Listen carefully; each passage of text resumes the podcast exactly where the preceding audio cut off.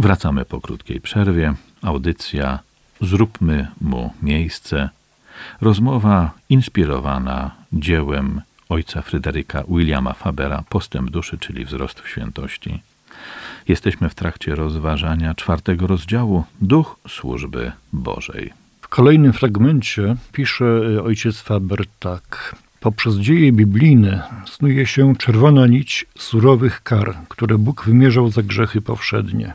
Mojżesz, Dawid, prorok pożarty przez lwa, Oza, nagło ukarany śmiercią za dotknięcie chwiejącej się arki, oto straszliwe objawienia Bożej świętości.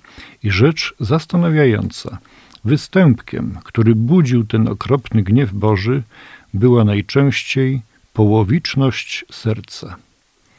I o tę połowiczność serca, o, o wyjaśnienie i rozwinięcie tego zagrożenia dla każdego z nas, prawda? To bym prosił, żeby ojciec był łaskaw powiedzieć.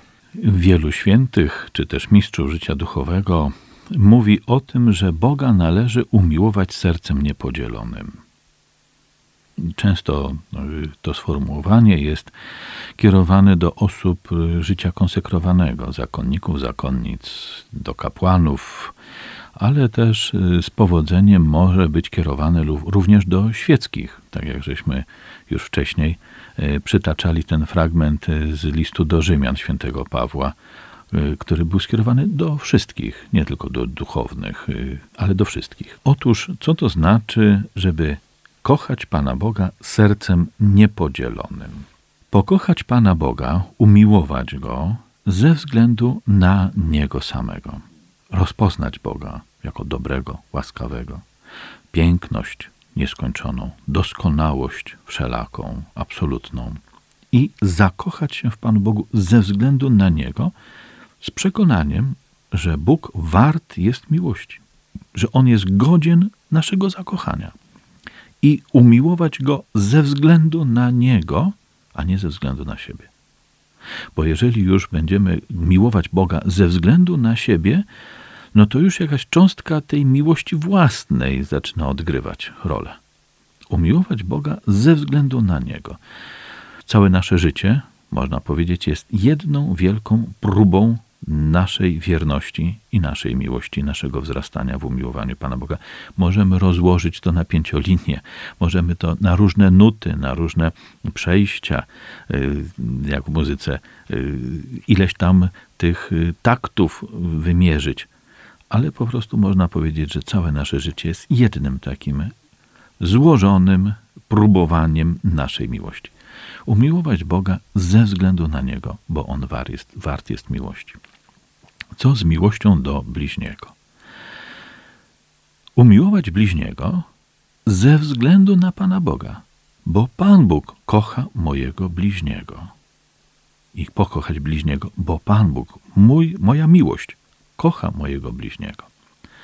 Umiłować bliźniego, dlatego że Pan Bóg stworzył go na swój obraz i Boże podobieństwo, więc ja w nim kocham Boga mojego, którego cząstka, ten obraz, podobieństwo jest w nim umieszczony mocą stwórczą mojej miłości, mojego Boga. Czego ja mam chcieć od mojego bliźniego? No, oczywiście chcielibyśmy, żeby dobrego słowa, żeby nas docenił, chcielibyśmy, żeby nas kochał. No dobrze, ale przede wszystkim od naszego bliźniego mamy chcieć, żeby on umiłował Boga naszego. Bo nasz Bóg wart jest tego, żeby był miłowany przez mojego bliźniego. I proszę zobaczyć, że ciągle tutaj pierwszym jest Pan Bóg. Pana Boga miłuje, bo On wart jest. Miłuje bliźniego, bo mój Bóg go miłuje. Pragnę miłości od mojego bliźniego, ale do Pana Boga, bo mój Bóg jest wart miłości ze strony mojego bliźniego.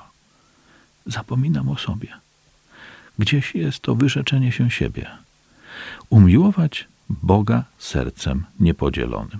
I to jest możliwe dla wszystkich, bez względu na to, czy to są wierni duchowni, czy wierni świeccy. Nie wiem, czy dobrze, wyczerpująco, ale, ale tak bym spróbował może mm, wyjaśnić.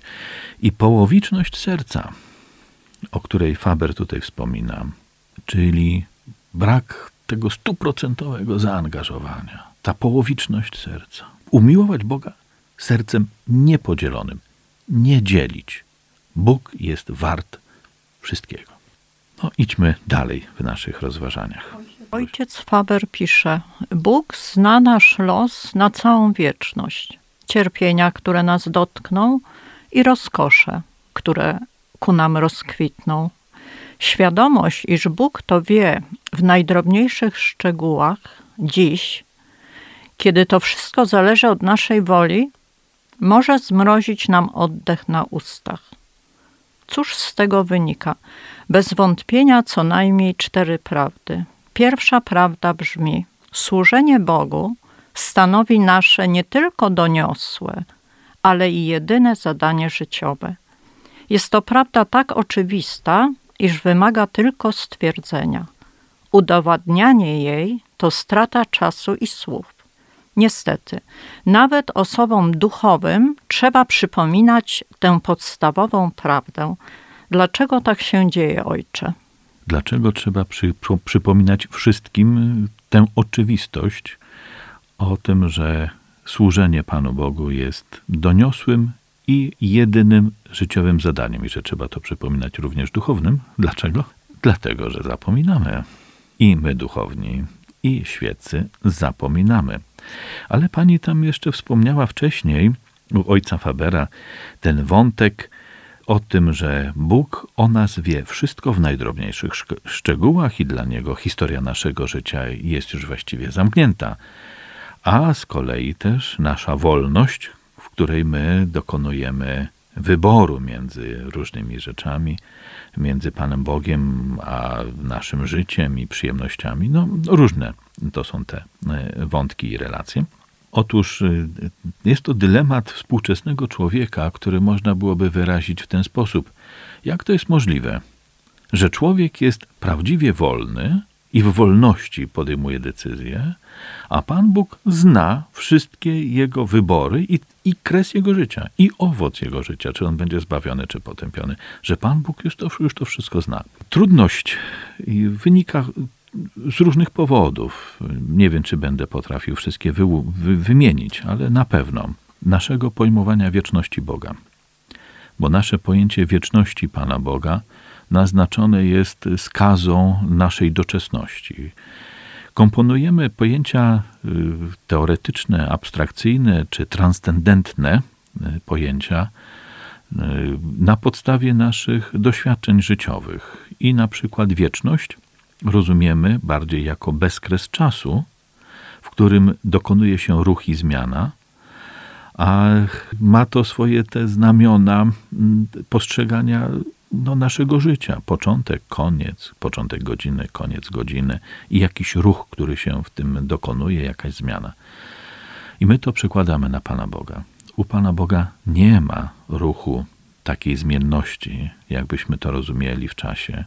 Pan Bóg żyje ponad czasem przez siebie stworzonym przez tajemnicę wcielenia zechciał być uczestnikiem naszego życia i tych zmienności właściwych doczesności, jednak w swej istocie Bóg istnieje i żyje i jest pełen dynamizmu i pełen ruchu, pełen działania, ale w bezczasie, w nieustannym teraz. I z tej perspektywy tego nieustannego teraz on zna wszystko. I wszystkie nasze wybory. I prawdziwie my jesteśmy wolni, po prostu kształtując y, nasze życie i naszą doczesność, a przez to y, no, będzie wypadkową nasza wieczność, albo szczęśliwa, albo nieszczęśliwa. I w tej per perspektywie, właśnie w tej perspektywie wieczności szczęśliwej lub wieczności nieszczęśliwej, no to naprawdę najistotniejszą sprawą jest tak, jak się sprawić w tym swoim życiu, żeby ta wieczność była szczęśliwa, żeby uniknąć nieszczęścia. I oczywistością wtedy jawi się nam, że służenie Panu Bogu, postrzeganie Jego osoby jako kogoś ważnego, Jego poglądów, zaleceń, przykazań, Jego woli, Jego świętej woli, jako najważniejszego zadania i programu życia. Zresztą my ciągle, codziennie, powielokroć powtarzamy w modlitwie pańskiej: bądź wola Twoja, jako w niebie, tak i na ziemi. A że o tym zapominamy, bo nasza doczesność jest tak pociągająca, piękna, smaczna, przyjemna, że po prostu możemy się gubić w tym. Ale takie przypomnienia oczywistości też są po prostu potrzebne. Pisze dalej ojciec Faber.